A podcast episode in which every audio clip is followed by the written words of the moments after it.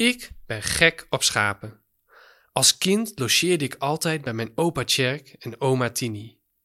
En met mijn opa ging ik de schapen voeren, hekken zetten en ik zag hoe talloze lammetjes ter wereld kwamen.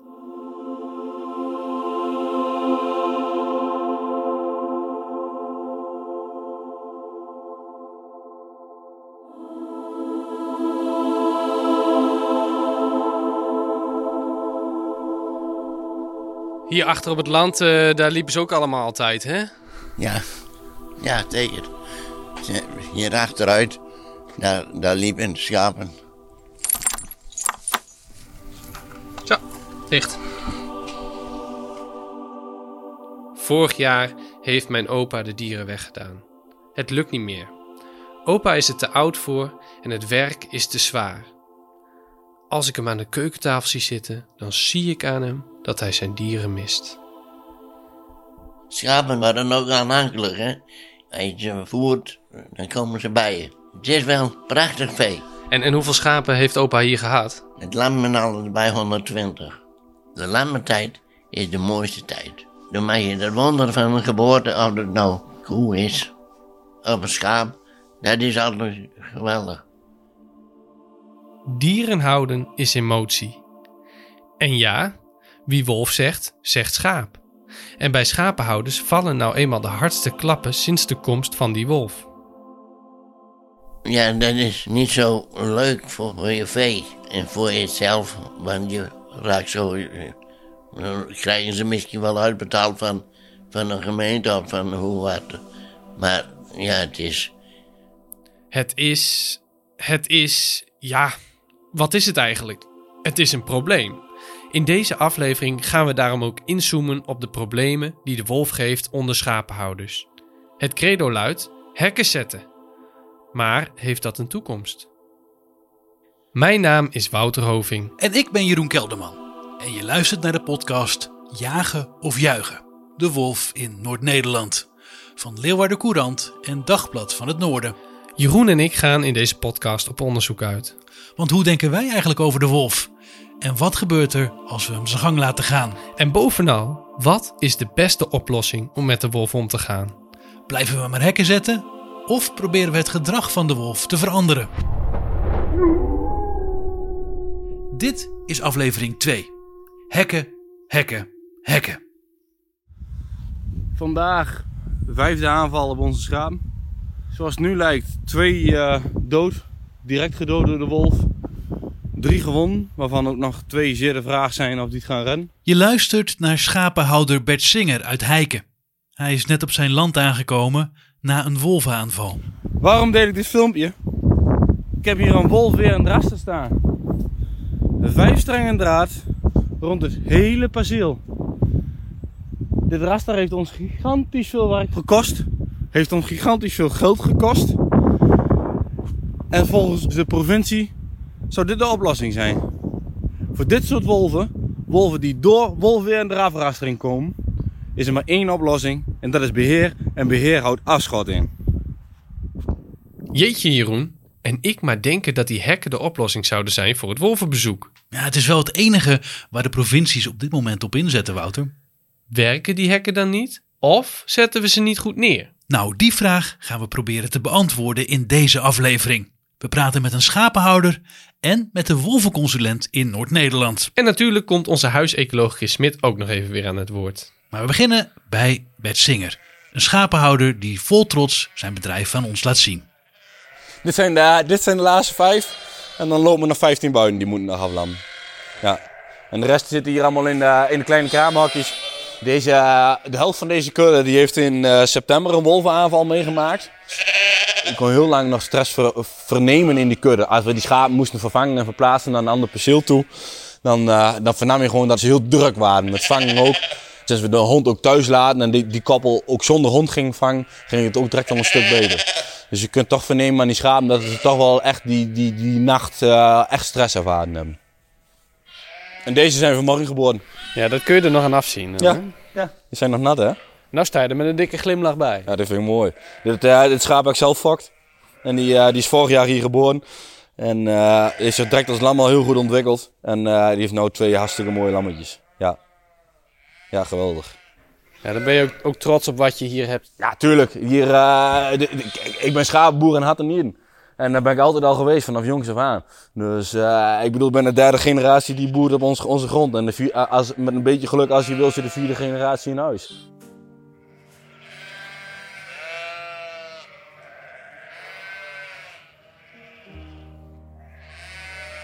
Bert Singer omschrijft zichzelf als een schapenboer in hart en nieren. En het zit hem dan ook behoorlijk dwars dat hij zijn beroep niet meer behoorlijk kan uitvoeren. Door de komst van die rotwolf, zoals hij het zegt. En je kunt je dus ook wel afvragen of die vierde generatie, die daar zo lekker binnen zit bij moeder op schoot, Wat een schattig kindje had hij. ja, dat was lief. Eh, Of die wel ooit nog een boterham kan gaan verdienen, nu die wolf in Nederland is, met het werk van zijn vader. Nou ja, dat is dan ook het sombere scenario dat onze wolfconsulent Jaap Mekel schetst. die grote schapenhouders. Ja, ik denk dat het heel lastig wordt om dat bedrijfsmodel vast te houden met die wolf erbij. Straks meer daarover. We waren dus op bezoek bij de wolvenconsulent. Je kunt hem benaderen met vragen over de wolf als je veehouder bent of hobbydieren houdt. En dan denkt hij met je mee.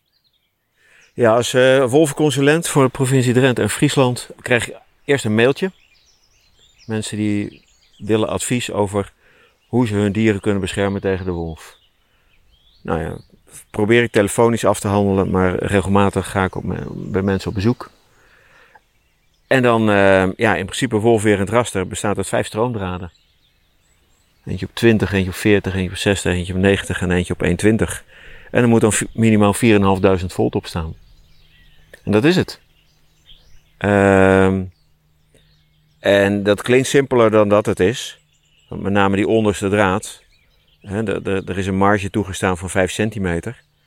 Ehm, maar die onderste draad, ja, die moet dus echt niet hoger hangen dan 25 centimeter boven de grond. Ja, het is zelden zo vlak dat je dat makkelijk voor elkaar krijgt. Dus dan ga je hem iets lager hangen. Of je gaat een kuiltje opvullen.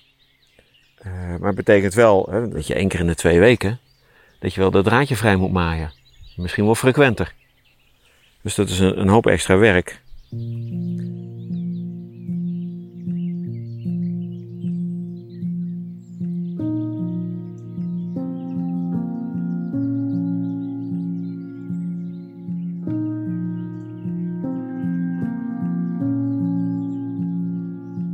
Vijf draden moet je dus spannen. En dan ook nog eens precies op de goede hoogte. Ja, dus niet te hoog boven de grond, want dan kan die wolf eronder door.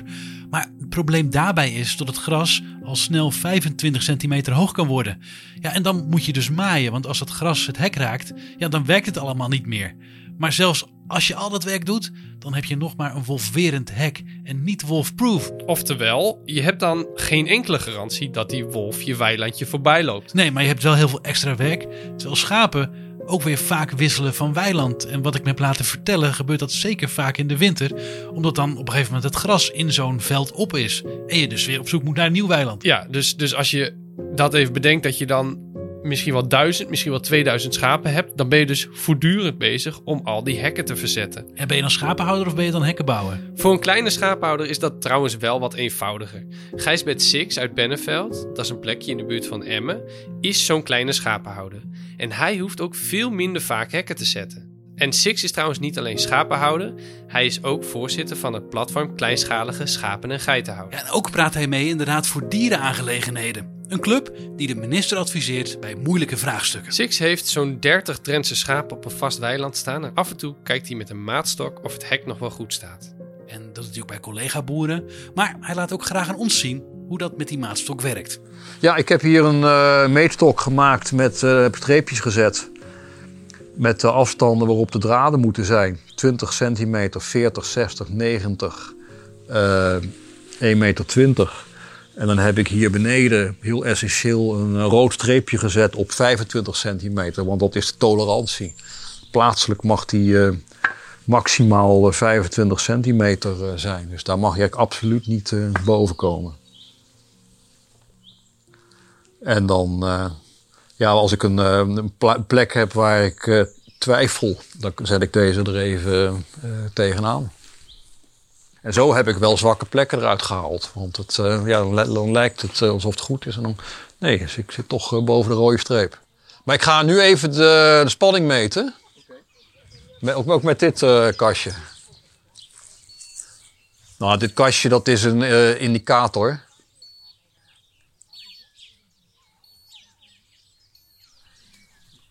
...7,3 kilovolt. Eh, het moet eh, minimaal 4,5 kilovolt zijn. Nou ja, en de 7,3 dat is eh, ruim, ruim voldoende.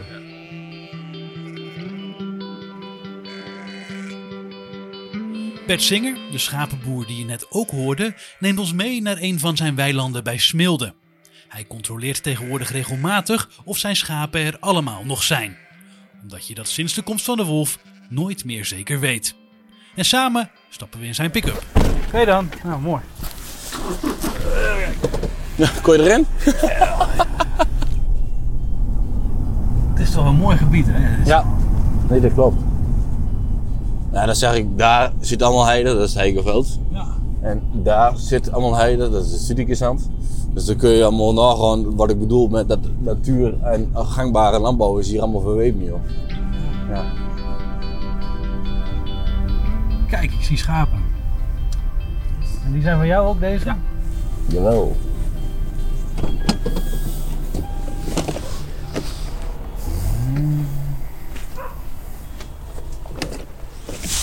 Ben je nou ook opgelucht? Nou, eigenlijk wel een klein beetje. Maar ik was hier vandaag al eerder geweest, dus ik wist hoe het erbij stond. Ja. Maar dat is, ja, jij zegt er nou een beetje uit de, uit de, uit de, uit de gek en dat, dat snap ik ook wel. Je bent er wel constant mee bezig in je hoofd. Ja, Met een beetje buikpijn, zeg maar. Ja een eh, on- onderbuikgevoel. Ja, want die eh, keer in Aam ook, dan had hij die nacht ervoor had hij toegeslagen in Aam bij Grollo. En eh, je denkt van, nou ja, moet toch, toch maar even gaan kijken. Je bent er constant in je hoofd mee bezig van, hoe staat het erbij en hoe is het? Ja, Maar dit vind jij het mooist? Dat, je- dat, dat je die jonge lammetjes al in de weide ziet? En, Ja, ik vind dit het mooiste, maar ik vind het wel jammer dat het er langzamerhand eruit ziet als een gevangenis. Ik weet niet hoe jij er tegenaan kijkt, maar het is in mijn ogen een gevangenis. Want ik zal je nog sterker vertellen, volgens de wet mag het niet eens. Nee? Nee. Want hij is 1,20 hoog. En volgens de regelgeving mag jij geen afrastering hoger plaatsen dan een meter. Want het wordt gedoogd. Maar het mag officieel niet eens. Ja, dat is gemeentelijke wetgeving Ja, dus. dat is gemeentelijke wetgeving. Want deze afrastering die je hier ziet staan, dit is dan volgens de normen van bij 12, dit is dan wat zij noemen een wolfwerende afrastering. Dat is het niet, maar volgens hun normen. En dit is dan vijf streng draad. Schapenboer Bert Singer, die doet het blijkbaar aardig goed. Maar hoe zit het in de rest van Noord-Nederland? Voor een minuutje met feitjes. Het gevoel kan namelijk wel zeggen dat die wolfhekken niet werken, maar meten is weten, zei mijn opa altijd. Wat zeggen de cijfers? Hou je vast, want bij aanvallen blijken de hekken vaak niet in orde. In totaal werden tussen januari 2022 en juni 2023 bijna duizend stuks vee, vooral schapen, gedood door de wolf in Groningen, Drenthe en Friesland. Dat blijkt uit cijfers van bij 12. Het gaat in totaal om 219 aanvallen. Slechts 12 keer was er sprake van schapengaas of rasters met een minimale hoogte van 120 centimeter, zoals door bij 12 geadviseerd. In de meeste gevallen staat er een hek met één of twee draden. Ja, dat is genoeg om schapen binnen te houden, maar niet om de wolf buiten te sluiten. Zoveel onbeschermde schapen. Eigenlijk vinden Wouter en ik dat best schokkend. Blijkbaar wordt het advies om hekken te plaatsen nog niet massaal opgevolgd. Maar bij Bert Singer zijn de schapen wel goed beschermd, toch? En kun je nou ook beloven dat overal op dit traject dit draadje precies laag genoeg zit? Nee. Nee, dat kan ik niet. Dit is een perceel van eh 2,5 hectare. Dus dat gaat nog eens een keer. eh, dat, dat, dat, dat, daar ga je vast een puntje vinden. Eh, maar ik heb in Aam bij een melkveehouder momenteel 20 hectare in draad zijn. Daar ga je meer dan twee of drie plekken vinden. En hoe kan dat? Omdat het land niet gelijk is. Kijk, en je doet je best. En eh, als ik een paaltje extra prik wat nodig, dan, dan gaan we dat doen. Maar je kunt daar ook wel zien, daar loopt die scheef weg, het stuk land. Ik bedoel, en daar heb ik al een hoekpaal extra gezet, dan heb ik al een paal extra gezet. Maar als jij eh muggenzichten wil, dan ga jij wat vinden. Kijk, eh, het is mensenwerk en het moet op het oog gebeuren. Ja, ik krijg dat niet 100% dicht. Nooit. Nooit. Nee, maar die wolf die loopt er een paar keer omheen. En, en die gaat eens goed kijken. En die vindt het plekje waarschijnlijk wel. Als die wolf nou gewoon genoeg reden wilde zwijnen of andere hazen of, of uh, vreden kan. Ik bedoel, dan is hij niet nodig dat hij achter mijn schapen aan gaat. En dan hoeft hij ook geen uur om een afrastering heen te lopen om een gatje te zoeken. En zo'n wolf die dat doet, die wolf die zoeken gaat om een perceel land waar hij de afrastering door kan. Maar zo'n wolf moeten, wilden wij als samenleving zo'n wolf hebben?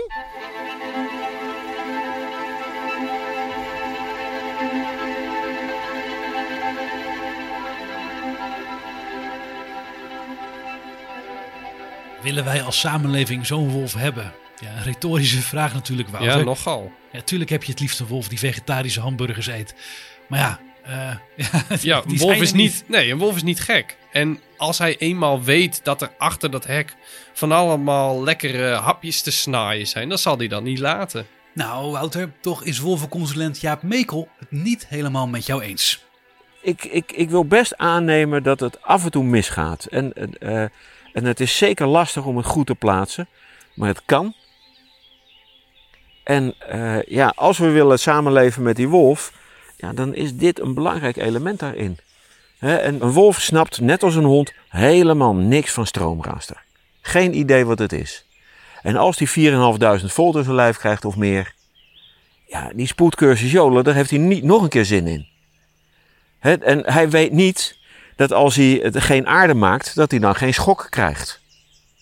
En het kan, natuurlijk kan het, dat, dat een individu zo driest is dat hij het, eten daar binnen ziet rennen en dat hij denkt, ik spring er tussendoor.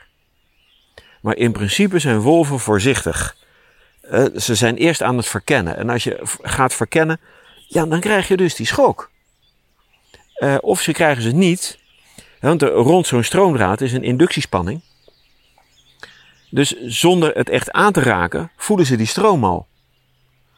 He, zo blijven ze, is er een grote kans dat ze er al bij weg blijven. En er zijn ettelijke filmpjes in Nederland gemaakt ook.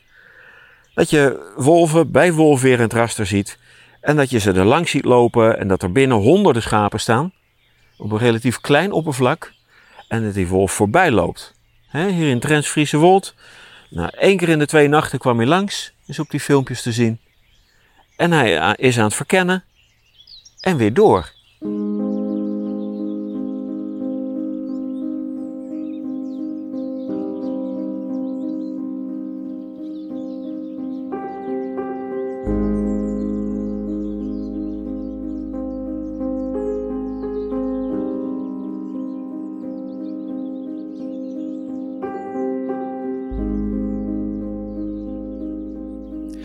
Als je zo'n wolverend raster echt goed neerzet en daar heel veel tijd en moeite in stopt, want een weiland is geen biljartlaken, dan werkt het volgens wolvenconsulent Jaap Mekel. En voor kleinere schapenhouders is het ook goed te doen. Zoals bijvoorbeeld voor Gijsbert Six met zijn 30 schapen op een vaste plek. Of die wolf je wel of niet gewenst is, daar heb ik geen speciale mening uh, over. Uh, ik ben natuurliefhebber. Uh, dan dus dan is in die zin uh, een wolf een verrijking voor de natuur. Hè. Het, is, het is mooi, ik vind, het ook wel spannend. Het is ook een heel uh, intrigerend dier. Maar ik zie ook de schaduwzijde. Wat het dus gewoon aanricht bij, bij een landbouw, dierhouderij, die, die volkomen onvoorbereid is. Ook al is Gijsbert Six helemaal niet tegen de wolf, hij ziet wel dat het dier problemen geeft bij grotere bedrijven. En om daar iets aan te doen, moet de overheid de zaken beter op orde krijgen. Als een, uh, een wolf uh, herhaaldelijk goed beschermd vee pakt, dan zou die ook kunnen worden afgeschoten. Ja, dan staat er op papier, alleen het is nu nog niet zo georganiseerd dat ze dat voor elkaar krijgen. Want, want hoe, ga het maar eens bewijzen. hoe, hoe, uh, hoe ligt die bewijslast? Alleen zoals nu die inspecties gaan voor wolverende afrasteringen, uh, er is helemaal geen dossiervorming. Dat gebeurt zo, houd je touwtje daar. Uh, in de praktijk zal de gedeputeerde nooit lukken om een uh, provincie zal het nooit lukken om een, een zaken rond te maken. Nou ja, daar ben ik dus dagelijks mee bezig om, om, om, dit beter te krijgen. Ook om die schapenhouden perspectief te geven. Hekken zetten blijft een flinke klus. Maar het werkt dus wel, zegt Gijsbert Six. Ja, maar het is ondoenlijk als je heel veel schapen hebt. Dat vindt grootschalig schapenhouden Bert Zingen. Het moet wel menselijk blijven en het moet wel werkbaar blijven. Kijk, eh, het kost ons al verschrikkelijk veel tijd en energie en werk en arbeid om deze rasters te plaatsen. En als wij dan ook nog, als er een aanval geweest is, met een meetlat in de ronde gaan om de zwakke plekjes eruit te gaan zoeken, dan vind ik ook niet meer dat je het aanmoedigt om wolverende rasters te zetten. Dus ik heb wel een subsidie gekregen, maar dat bedrag aan subsidie was niet genoeg om alles te betalen. Dus ik heb dat x-bedrag er ook nog zelf een keer bijgelegd. Ehm, met die kwad hebben wij een systeem opgebouwd dat wij zes rollen eh katrollen op kunnen doen en dat wij zes draden in één keer af kunnen rollen. Dus met twee man zijn we dan bezig. Eentje rijdt op de kwad en de ander loopt erachteraan en klikt de paaltjes op de juiste hoogte. De draden in, in de paaltjes op de juiste hoogte. Dus dat betekent al dat ik niet meer alleen een afrastering kan zetten. Dat moet ik nou al met twee man doen. En als je dan nagaat dat ik op dat moment 10 tot 12 kuddes heb, die dan om de drie weken verwijt moeten worden. Dus voor mij zit de financiële schade niet zozeer alleen in de eh, aanschaf van de afrastering of van de kwad. Maar het, probleem bij alle professionele schapenhouders in de hele sector is arbeid, arbeid, arbeid. Want ik hoef niemand te vertellen dat arbeid hartstikke duur is. En als ik, eh, dat betekent dat ik eh, terug moet in het aantal. Dus dan hou, hou ik straks ook geen levensvatbaar bedrijf meer over. Bert Singer die wil graag een levensvatbaar bedrijf houden. Maar hij wordt geconfronteerd met hoge kosten voor die wolf weer in de hekken. En hij heeft dan ook nog eens het gevoel dat die hekken helemaal niet werken. Ja, dat brengt ons terug naar het begin van deze aflevering, Jeroen. Want toen zei Jaap Mekel dat het best wel eens heel moeilijk kon worden voor die grote schapenhouders. Het vraagt echt heel veel inspanning. Die grote schapenhouders. Ja, ik denk dat het heel lastig wordt om dat bedrijfsmodel vast te houden. Met die wolf erbij. Ik denk dat het echt een uitdaging is. En dan, ja. eh, misschien kan het wel niet meer. Je drukt je voorzichtig uit. Nou ja, nee, dat weet ik niet. Want ik, ik heb niet voldoende inzage in, in, in, in, eh, waar hun verdienmodel helemaal zit. Hè, want er, eh, er zijn natuurlijk allerlei overgangen. Er, wordt wel gesproken over schaapsherders. Die dan bij terreinbeherende organisaties hun dieren hebben lopen. Maar een deel van die schaapsherders hebben 's schapen op boerenland lopen. Dus zo... eh, eh, ja, die ze hebben dan hetzelfde als die grote schapenhouders die alleen maar op het boerenland lopen. Maar in de zomer hebben die dan inkomsten van die terreinbeherende organisaties. Dat is, maar als je het alleen maar van, die, eh, van het weiden op het boerenland moet hebben, ja, dan denk ik dat het niet lukt. Of die prijs van die schapen die moet zo omhoog gaan, dat het zo schaars wordt, dat het toch kan. Ja, die, die, wereldmarkt, ja, dat, dat weet ik natuurlijk niet. Mijn glazen bol is kapot. Hoe zou het zijn met de glazen bol van Chris Smit, Wouter? Ik heb geen idee, maar ik ben wel heel benieuwd hoe onze huisecoloog denkt over die wolf weer in de hekken. Ja, en we leggen hem aan de keukentafel het verhaal van Bert Singer voor. Ja, nou, ik snap het sentiment wel. Want eh, te gemakkelijk denken, de, denkt de groene hoek, ach, schapen, weet je. En eh, nou ja, dat, eh, het, het is een hoop ellende, denk ik, wat je aantreft eh, als, als schapenhouder. Zeker. Dus ik heb dat, eh, daar gaan we denk ik te makkelijk overheen. Wat ik van onze Duitse collega's begrijp, is eh, met alle respect voor, voor deze schapenboer die een hek neerplaatst. En dat zal hij met de beste, op de beste manier gedaan hebben. Maar van mijn Duitse collega's begrijp ik dat het, het plaatsen van de hekken nog echt veel beter kan. En, eh, eh, en die garanderen waterdichte hekken. Eh, de, punt is dat het onderhoud ook veel geld kost. Het plaatsen van de hekken is een ding. Die doen het zeer secuur op eh, eh, zes draden, hoogspanning. Eh, maar ook het maaien daaronderdoor moet gebeuren. Dus die staan daar super strak en die, die garanderen een waterdicht hek. Ik denk niet dat, dat veel schapenhouders en, en wildbeheerders in Nederland in staat zijn om die hekken zo te plaatsen. Ik denk dat we dat nog te knullig doen op sommige momenten, zonder deze persoon te willen, willen afvallen. Ehm, en, en het gevaar bestaat inderdaad dat als we halfslachtig hekken neerzetten, wat ook gebeurt, eh, en wolven springen erin, dat mensen dit gebruiken als argument, ja, die, het, werkt niet, gaan we dus nergens doen. Ik denk dat dat al sentimental speelt in Nederland. Die wolvenhekken werken niet.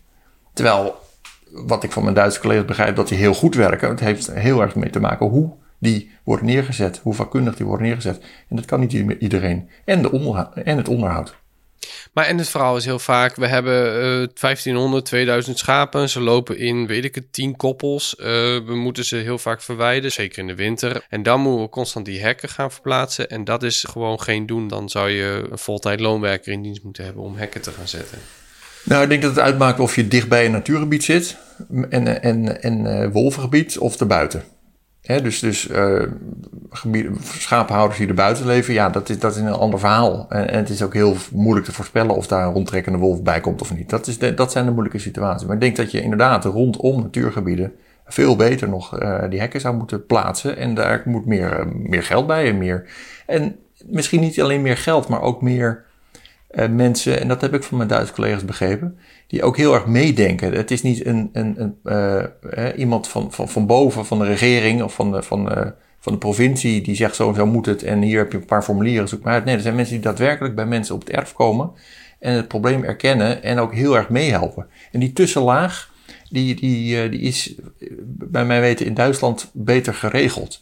En die staan ook veel meer aan de kant van de, de, de schapenhouders of de veehouders. En die helpen daadwerkelijk mee met het invullen van formulieren of met schadeclaims. Daar mag het natuurlijk ook wat makkelijker zijn. Nu moet je bewijzen dat het een wolf is geweest, zodat je eh, eh, uitkering krijgt bij die schade. Nou ja, en dan moet je allerlei lastige digitale formulieren invullen. Dat mag ook, dat bewijslast mag ook worden omgedraaid. Van, nou, je, krijgt, je wordt uitgekeerd tenzij het tegendeel wordt bewezen. Er zijn allerlei, ja, toch wel eh, nou, bureaucratische dingen die daarbij spelen, die ook niet helpen bij, bij, bij de draagvlak. En, en hoe sta jij er tegenover dat er eh, ook nagedacht wordt? eh, er was onlangs zo'n zaak tegen een eh, schapenboer uit Vledder... die zijn schapen niet goed genoeg zou hebben beschermd... eh, en dus eigenlijk geen recht zou hebben op subsidies en dat soort zaken. Dus, dus er, wordt ook over nagedacht om die subsidies meer voorwaardelijk te maken. Alleen eh, schapenvergoeding op het moment dat jij die hekken helemaal goed hebt neergezet. Ja, nou, daar, daar valt wel iets voor te zeggen, omdat je feitelijk, als je het niet goed doet, je verantwoordelijk bent voor het creëren van een probleemwolf. Die vervolgens eh, je collega's eh, ook tot last gaat zijn en in de hele regio wellicht meer schapen gaat pakken. Dus ik vind dat geen gekke, gek idee. Ehm, maar dan moet je wel aan de voorkant beginnen. Dan moeten eh, mensen ook daadwerkelijk helpen met het goed neerzetten van een hek. Ehm, en, ehm, en, en ja, daar moet veel hulp bij krijgen feitelijk zijn er allerlei regelingen al en er is er, is er geld voor en het materiaal wordt beschikbaar gesteld. Maar ik denk dat daar nog meer hulp bij mag, mag zijn. Als vervolgens dat in de wind wordt geslagen, inderdaad, alle adviezen en de subsidies zijn er en al het geld is er. En, het wordt, en dan alsnog eh, heb jij, ben je, nou, dan kan je verantwoordelijk gesteld. Dat vind ik geen gek idee om dan verantwoordelijkheid eh, nou ja, te krijgen voor, eh, voor, eh, eh, voor, voor die aanvallen. Ja. Maar dan moet aan de andere kant wel meer hulp zijn voor die mensen die daarmee te maken Ja, hebben. dat is nou nog te vroeg. Dat kan, eh, dat kan nou niet, denk ik. Nee. nee. Chris Smit lijkt nog wel brood te zien in die hekken. Hé Jeroen? Absoluut. En hij denkt ook aan een omgekeerde bewijslast. Zodat je niet meer al die formulieren hoeft in te vullen na een aanval. En je ook niet hoeft te bewijzen dat een wolf de dader was. Maar toch, die hekken hebben wel nadelen. Want er zijn bijvoorbeeld twijfels of andere dieren er nog wel langs kunnen om van het ene naar het andere gebied te gaan. Ja, en als ze dan voorbij het hek komen, komen ze er dan ook wel weer uit.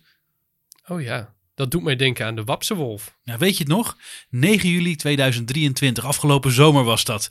En opnieuw staan hekken even in de spotlights. En een boer in Wapse is de pineut. In Wapse in Drenthe is vanochtend een schapenboer aangevallen door een wolf. Dier had zijn schapen aangevallen en de boer probeerde met een hooivork en een schep de wolf te verjagen.